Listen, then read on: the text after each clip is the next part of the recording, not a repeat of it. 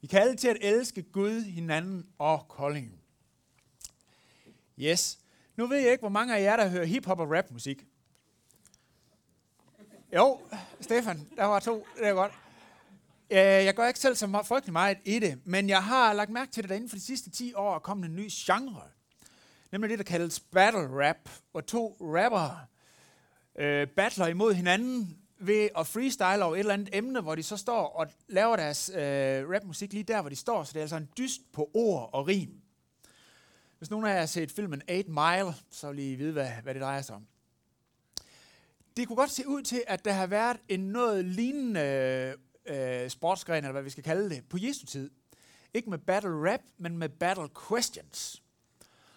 Hvor to, øh, der var uenige om noget, kunne battle imod hinanden på den måde, at man stiller et spørgsmål om et emne, som man synes er rigtig vigtigt, og hvis øh, modparten så ikke kunne svare på det, så har man vundet.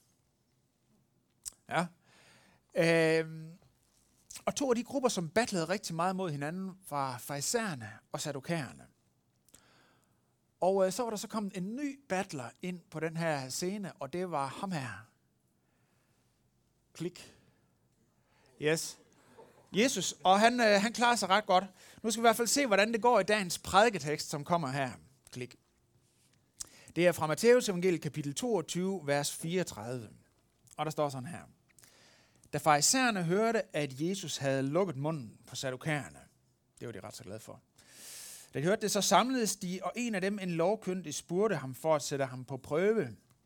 Mester, hvad er det største bud i loven? Og han sagde til ham, du skal elske Herren din Gud af hele dit hjerte, og hele din sjæl, og hele dit sind. Det er det største og det første bud. Men der er et andet, som er lige med det. Du skal elske din næste som dig selv. På de to bud hviler hele loven og profeterne. Mens farisæerne var forsamlet, spurgte Jesus dem, hvad mener I om Kristus? Hvis søn er han? Og de svarede, Davids. Han sagde til dem, hvordan kan David så ved ånden kalde ham herre og sige, så kommer der et citat fra David af, Herren sagde til min herre, sæt dig ved min højre hånd, indtil jeg får lagt dine fjender under dine fødder. Klik. Når David altså kalder ham herre, hvordan kan han så være hans søn? Mm, den var god, var. Ingen kunne svare ham et ord, og fra den dag af turde ingen længere spørge ham om noget.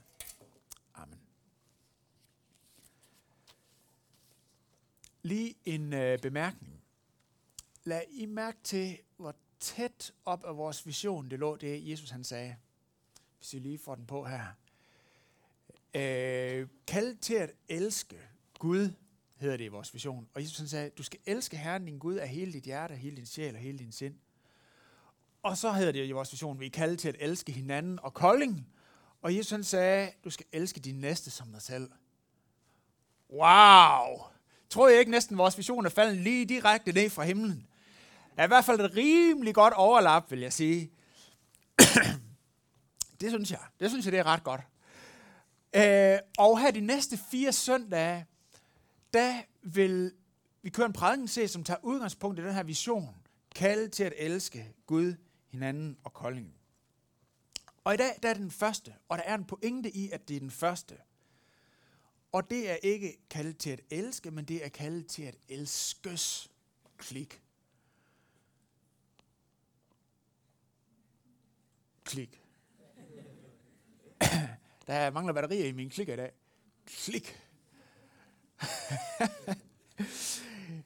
Kald til at elske, yes. Lige præcis. Hvorfor er det vigtigt at starte ud med det? Jo, lag mærke til det her med, at Jesus og farisæerne faktisk er fuldstændig enige om, hvad der er det vigtigste bud i loven. Fuldstændig enige. Der, der er et andet sted, hvor Markus han gengiver den her samtale, der sagde han, og farisæerne de responderer og sagde, der svarer du helt rigtigt, Jesus. De var fuldstændig enige om, det var det her. Er det ikke lidt for uroligende? er det ikke lidt for uroligende, at, at farisæerne og Jesus var så enige omkring det? Det var de. Og det er fordi, at vi kan have den fuldstændig rigtige og fine opfattelse af, hvad det gode liv er, hvad den største bud i loven er, hvad, hvordan det er godt at leve, og hvad der er en god vision. Og så kan man have to så milevidt forskellige motivationer, som Jesus og farisæerne. Og vende to så milevidt forskellige steder, som Jesus og farisæerne. Lad mig prøve at give et eksempel på det her med forskellige motivationer. Hvis vi ønsker at øh, opfordre til ærlighed, og det er en god ting, det vil vi gerne opfordre vores børn til, ikke også? Til ærlighed. Så kan man komme med forskellige øh, motivationer. Man kan fx sige, lad være med at lyve, fordi det vil give dig problemer i forhold til andre mennesker. Det vil være et godt argument, særligt i et traditionelt samfund, hvor klasse og stamme og landsby betyder meget. Man er sammen med de samme folk over mange år. I et mere religiøst samfund kunne det være et godt argument og sige, lad være med at lyve, for det giver dig problemer med Gud. Mm. Og i en mere individuel kultur som vores, så vil man måske sige, du skal ikke være som de der møg irriterende vaneløgnere. Det er du simpelthen for god til. Hvad er motivationen bag ved de forskellige opfordringer? I de første to, der var det frygt for straf fra andre mennesker eller fra Gud. Og i den sidste, der var det stolthed. Du skal ikke være ligesom de der. Alle motivationer er i sin essens selvcentrerede. Grundmotivet er, vær ærlig, fordi det betaler sig for dig. Og det er meget fint, hvis man så er ærlig. Det er en god ting. Det bliver det ved med at være. Men det har ingenting med kærlighed at gøre. Overhovedet. I hele det kapitel, der kommer efter det stykke, hvor prædiketeksten til i dag er, det er fra Matthæus 22, og så kommer Matthæus 23. Hele det kapitel bruger Jesus på at afsløre farisæernes tilgang. Og han siger, det kan godt ske, det er rigtigt, det de siger, men det de er optaget af, det er, at folk de ser, at det er rigtigt, det de gør, og de lader mærke til det. De er ikke drevet af kærlighed. Og han siger i kapitel 23, vers 5, alle deres gerninger gør de for at vise sig for mennesker. Det er simpelthen hele deres drive for alt det, de gjorde. De var så optaget af, hvad det er rigtigt at gøre, og det er jo godt at være optaget af det, men deres motiv var slet ikke fordi, at de gerne vil gøre det godt for mennesker, eller gerne gøre ære Gud, eller et eller andet. I efteråret så ringede en af de unge fyre her fra kirken til mig, Mathias Mogensen. Han sad midt i hans religionseksamen med den opgave at lave en komparativ analyse af begrebet helliggørelse i henholdsvis hinduisme og kristendom. Han skulle altså sammenligne dem. Helliggørelse, det har jo at gøre med, hvordan er det, man lever rigtigt og øh, godt og smukt og sådan nogle ting. Og en gang imellem, så bliver præsten jo også klog af at få nogle kloge spørgsmål. Så det synes jeg, det var ret spændende. Inden for hinduismen, hinduismen, der er også et stærkt fokus på, at man skal gøre det gode, gøre det rigtige. Øh, det er blandt andet en, øh, en stor værdi, at man lever som vegetar og sådan ting. Og pointen er, at det gode, som du gør, det kommer tilbage til dig. Så går det godt for dig, så er det fordi, du har fortjent det. Det er karma, der kommer tilbage til dig, fordi du har gjort det godt. Går det skidt for dig, jamen så må du jo slå dig selv i hovedet, for det er 100% din egen skyld. Hvis du er født inden for en kaste, hvor alle, altså det er den der lavinddeling af det, af det nordiske samfund, hvis du er født inden for en kaste, hvor andre folk behandler dig som skidt, øh, det ved du jo godt selv, det er din egen skyld, det er fordi, at du har opsamlet karma i en tidligere liv og blevet reinkarneret i den her lavsige kaste. Så du skal gøre det gode, du skal gøre det for din egen skyld. Det kommer tilbage til dig. Inden for kristendommen, der siger Paulus sådan her, klik i sit brev til øh, menigheden i Korinth, i starthilsenen. Han siger, til Guds menighed i Korinth, dem som er helliget ved Kristus Jesus, kaldet til at være hellige. Det der, det er fedt. Der er nemlig noget, der er givet på forhånd. Der er en status, en identitet, et værd, der er givet på forhånd. Der er et selvbillede, der allerede er på plads. Ikke ved det, man har øh, gjort, fordi man var god, men der er nogen, der er blevet helliget ved Kristus Jesus. Og så er der noget, vi er kaldet til. Ikke for, for, for, ikke for at det her det skal komme på plads. Ikke for, at vi skal blive gode nok. Men vi er kaldet til os at leve, så det svarer til den identitet, vi har fået givet. Og, sagde jeg til den her unge før med, med religionseksamen, han sagde, Det her det er den mest smukke og det mest menneskeligt sunde udgangspunkt for et visionært liv. Fordi når min identitet, min værdi, min status og mit selvbillede er noget, der er givet til mig på forhånd, så vil succes i livet ikke gør mig hovmodig og får mig til at sætte ned på andre, fordi at jeg er selv en, der har fået alt givet. Øh, Mads McKinney Møller, han var faktisk en personlig kristen, og han stillede ikke så tit op til interviews, men efter han var død, blev der bragt et interview i fjernsynet, som jeg så, og det var rigtig, rigtig spændende, og så sagde intervieweren til ham, Mads, du har jo haft mega meget succes. Øh, han var helt vildt rig og sådan nogle ting. Og så sagde han, ja, men jeg er også en, der selv har fået meget givet fra min egen far. Og jeg tænkte bare, det der, det er en stor mand. Det var det, han havde lyst til at sige i den situation. Modsat, hvis ikke vi har det her fundament på plads i forvejen, når vi så får succes øh, med det, vi selv har gjort, så vil vi med rette kunne sige, og det vil give anledning til at sige, jeg har gjort det bedre end andre. Altså må jeg være bedre end andre. Jeg har simpelthen gjort det bedre end andre. Og så man kunne se det. Se ned på andre. Hvis jeg så ikke lykkes med det projekt, jeg har foran mig, og det, som jeg gerne vil, så vil det gå på mit, øh, på mit selvbillede, hvis ikke jeg har et fundament, som er givet mig, og som er forankret i noget, der ligger uden for mig. Så vil det blive knust af at mislykkes, af at miste en evne, af at blive fyret fra det job, som gav mig den status, af at blive vraget af den kæreste, eller hvad det nu måtte være. Det vil knuse mig, fordi den jeg er, så er afhængig af, hvad jeg gør, og hvor godt jeg lykkes med det. Men hvis jeg har det her fundament, og så ikke lykkes med det projekt, jeg har foran mig, i det omfang, som jeg har håbet på, så vil det være hårdt, ja. Men det vil ikke rokke ved den, jeg er. Fordi den, jeg er, og den værdi, jeg har, og den identitet, jeg har, det vil være forankret i noget, som er givet mig, og noget, som ligger uden for mig, nemlig i Kristus Jesus. Og ved I hvad? Det gør faktisk, det gør os mere modige til at tage chancer, til at, øh, til at prøve ting af, fordi hvis ikke det lykkes, så falder hele vores liv ikke sammen. Det er simpelthen fedt, det her. Men en vision og en leveregel, eller hvad det nu måtte være, den kan være nok så super fin, eller smuk, eller rigtig. Men det er vores personlige tilgang til det, der afgør, om det her det bliver drevet af vores ego, eller det bliver drevet af kærlighed. Og det er det, der er afgørende for, om en vision, den ødelægger os, enten med hovmod eller med mismod, eller den spreder glæde. Så to forskellige mennesker kan altså høre den her vision på vidt forskellige måder. Vi kalder til at elske Gud, hinanden og kolding. Og nogen vil sige, åh, det lyder tungt. Og andre vil sige, fedt, nu kan jeg få lov at leve noget af det ud, som jeg har kaldt til. Det kan opleves på vidt forskellige måder. Forskellen, som er så afgørende, og som gør hele forskellen, er, hvordan vi forholder os til det, som Jesus har gjort for os. Hvordan vi forholder os til evangeliet, de gode nyheder.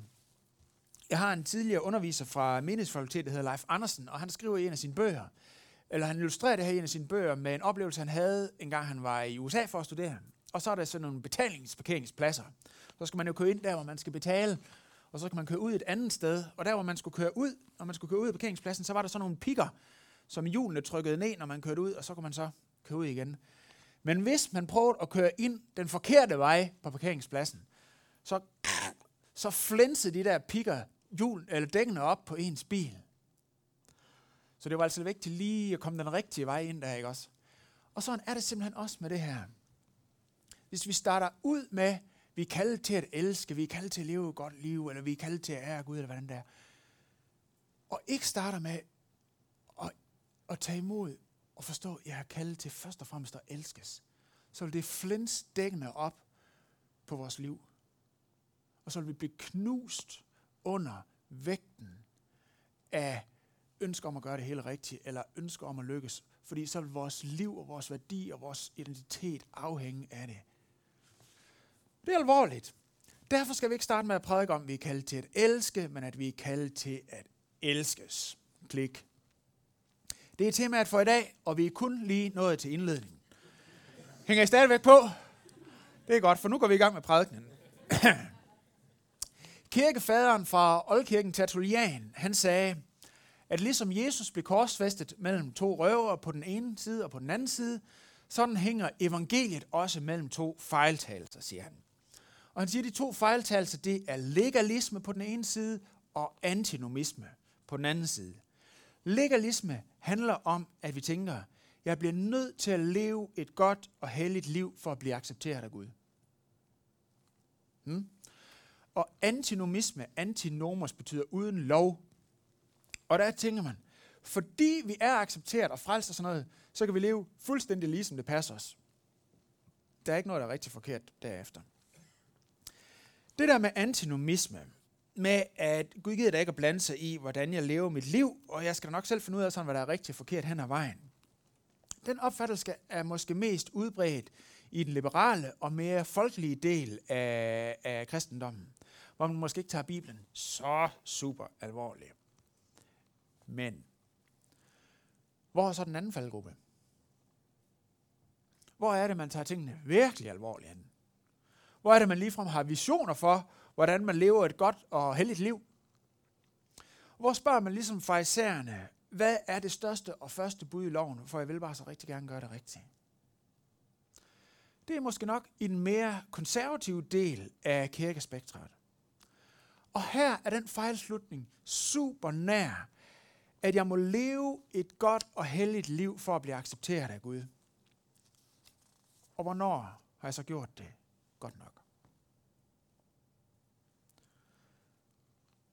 Det er en blindgyde. Det er en blindgyde, og det er en blindgyde, der ikke kun er i de øh, sådan trosmæssige dele af, af tilværelsen. Vi kan også kende den fra vores uddannelse. Hvornår har jeg læst nok til at blive en del af eliten? Eller for arbejde? Hvornår har jeg gjort det godt nok til at blive forfremmet? Og til at blive nogen, en af dem, som bliver bedt om at komme ud og holde foredrag om det, jeg ved noget om? Eller hvornår er jeg smuk nok? Hvornår gør jeg det godt nok i forældrerådet? I kirken? Som mor, som far? Som alt muligt? Hvornår jeg gør det godt nok? Og er det dårlige ting, og gerne vil gøre det godt? Nej, det er super, super, super gode ting. Ingen tvivl om det. Men det er ikke ting, der kan give os identitet, værdi, accept, renhed, hellighed, frelse. Det er gode ting, men det er simpelthen ikke de ting, som vi kan bygge vores liv på, og som kan give os de ting. Og de dårlige nyheder er, dem er der også nogle af i dag, de dårlige nyheder er, at hvis vi bliver ved med at prøve at gå ud af den der vej, hvis jeg kommer derhen, hvis jeg kommer til sæsonen ud, eller hvis jeg får den der et eller andet, gør det så godt, så vil jeg nok blive accepteret, så vil jeg få det godt. De dårlige nyheder er, at det kommer ikke til at ske. Du kommer ikke derhen. Der vil altid være nogen, der kører hurtigere end dig på mountainbike, eller hvad det nu er, vi prøver på at blive bedre i. Og det kan være meget frustrerende. Det kan det. Det er en blindgyde. Vi kommer aldrig derhen. Der er ingen løsning. Hvis vi prøver på at bygge vores liv og vores identitet og vores øh, selvfølelse ud af den vej, der er ingen løsning. Men de gode nyheder, evangeliet, er,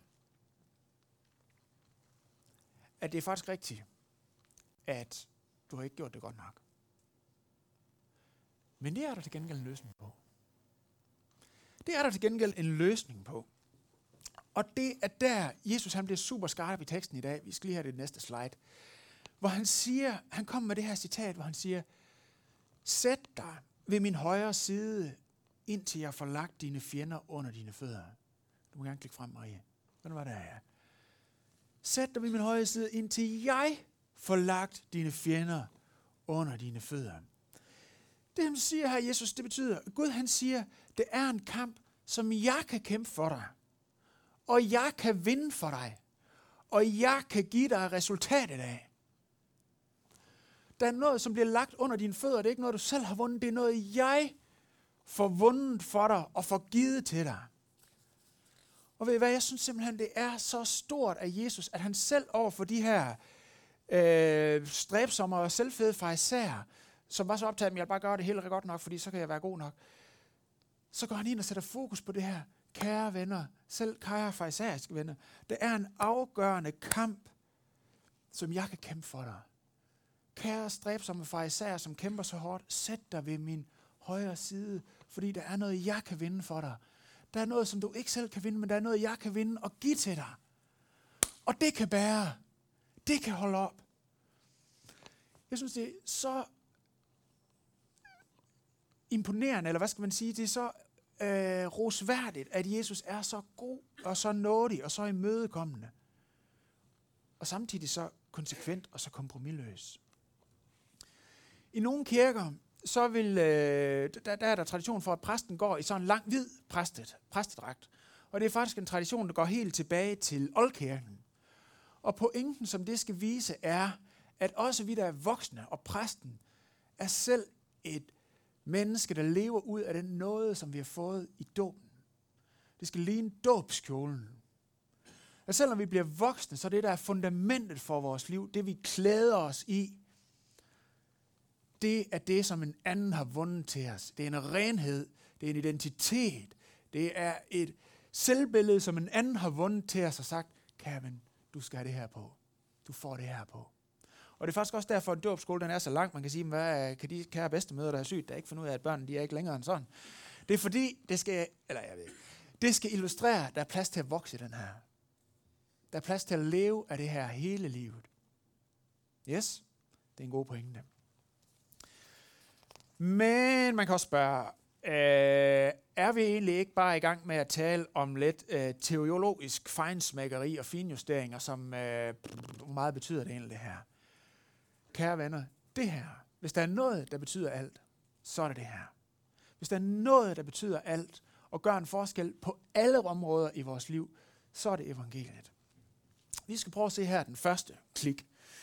I forhold til accept, og jeg prøver lige her at stille religion og evangeliet op over for hinanden. Jeg ved ikke, om religion er helt velvalgt, men det er den her tanke med, at, øh, at vi kan fortjene noget ved at gøre det rigtigt over for Gud. Vi kan tjene noget over for Gud ved at gøre det rigtigt. Og noget, en af Luthers øh, store øh, opdagelser, det var det her med, at vores menneskelige hjerte i grundindstillingen har den tilgang, at vi ønsker at bygge vores accept og vores værdi på noget, vi selv har gjort. Og det er stort set drivet i alle religioner. Det, der er anderledes, det er evangeliet. Så derfor religion og evangelium. I religion hedder det, jeg adlyder for at blive accepteret. I evangeliet hedder det, jeg er accepteret. Det var det første, der at sige om dig.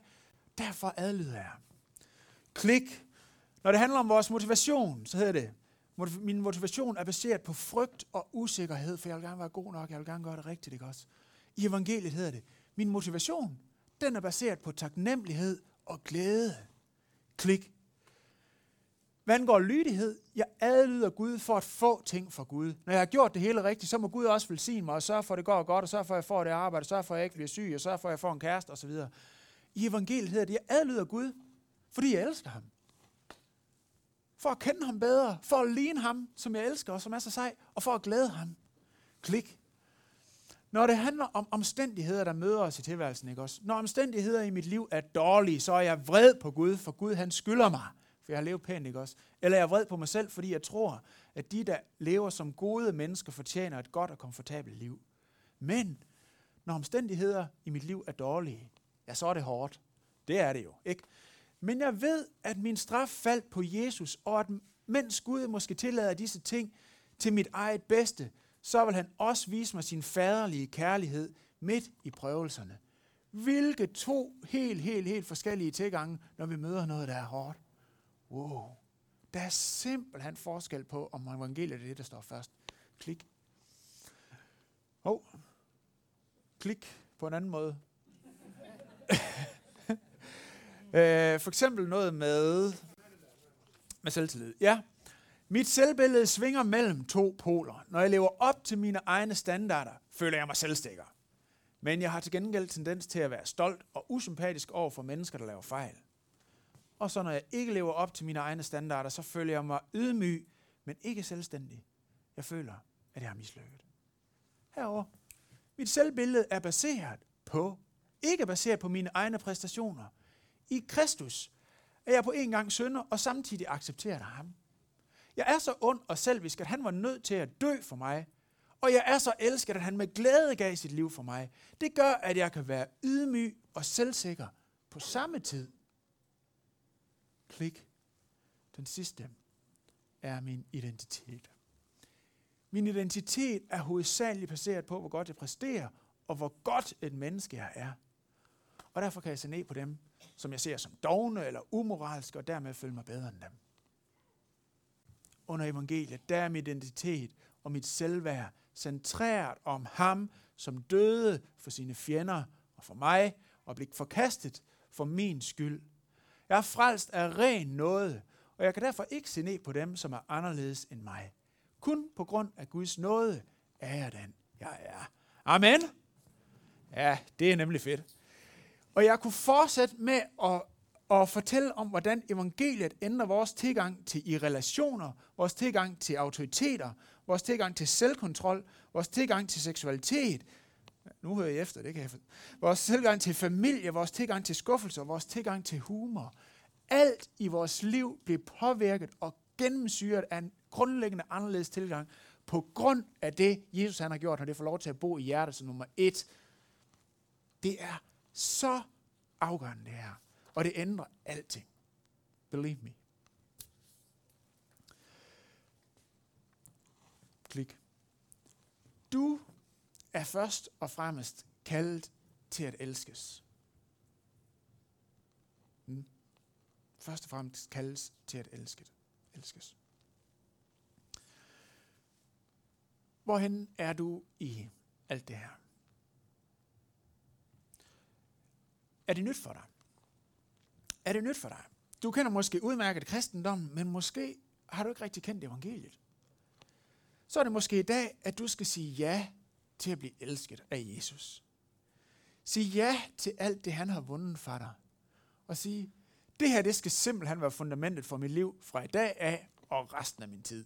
Det skal simpelthen være det her, som jeg griber fat i hver morgen, når jeg står op og lever mit liv på hver dag. Det skal ske i dag. Det er i dag, jeg vil sige ja til det her. Det kunne være en mulighed. En anden mulighed kunne være, at øh, du tænker, mit liv det kører simpelthen på skinner. Jeg kører med klatten. Jeg har faktisk stor succes. Og det er godt. Tillykke med det. Det er en god ting. Men du er måske kommet til at se, at du bygger din identitet og din tilfredshed med dig selv på din vellykkethed. Måske har du i dag set, at det er skrøbeligt og kan falde sammen som et korthus. Måske har du i dag set, at det påvirker den måde, du ser på andre mennesker. Så er det måske i dag, at du skal vende dig til Jesus og sige, Jesus, jeg ser nu, at alt det, jeg har, det er en gave for dig. At min succes og min gave og min styrke, det er en gave for dig. Og jeg vil simpelthen ikke leve i selvfedme. Jeg vil leve i taknemmelighed til dig. Jeg vil leve med dig som et fundament. Også midt i min succes. Den tredje ting, som jeg vil lige prøve at sætte ord på, det er her, at du måske ligger og føler dig knust og mislykket. Du lykkes langt fra med det, du gerne vil. Selvom det var måske noget af det, du allerhelst ville lykkes med, at være en god ægtefælle, eller god forælder, eller god øh, til din øh, yndlingssport, eller yndlingsarbejde, øh, eller et eller andet. Langt fra, og det går på dit selvværd. I dag siger Gud til dig, mit elskede barn, din identitet og din værdi hviler på det, min søn Jesus har gjort for dig. Den frelse, som jeg har givet dig, er lige så ren og lige så perfekt, som den dåbskjole, som lille Astrid er døbt i i dag. Og det er den, du er. Det er det, du har din identitet i. Hvis du er døbt og tror på mig, så er det det, der er at sige om dig. Giv slip på alt andet. Alt andet. Alt andet. Og hold dig til evangeliet.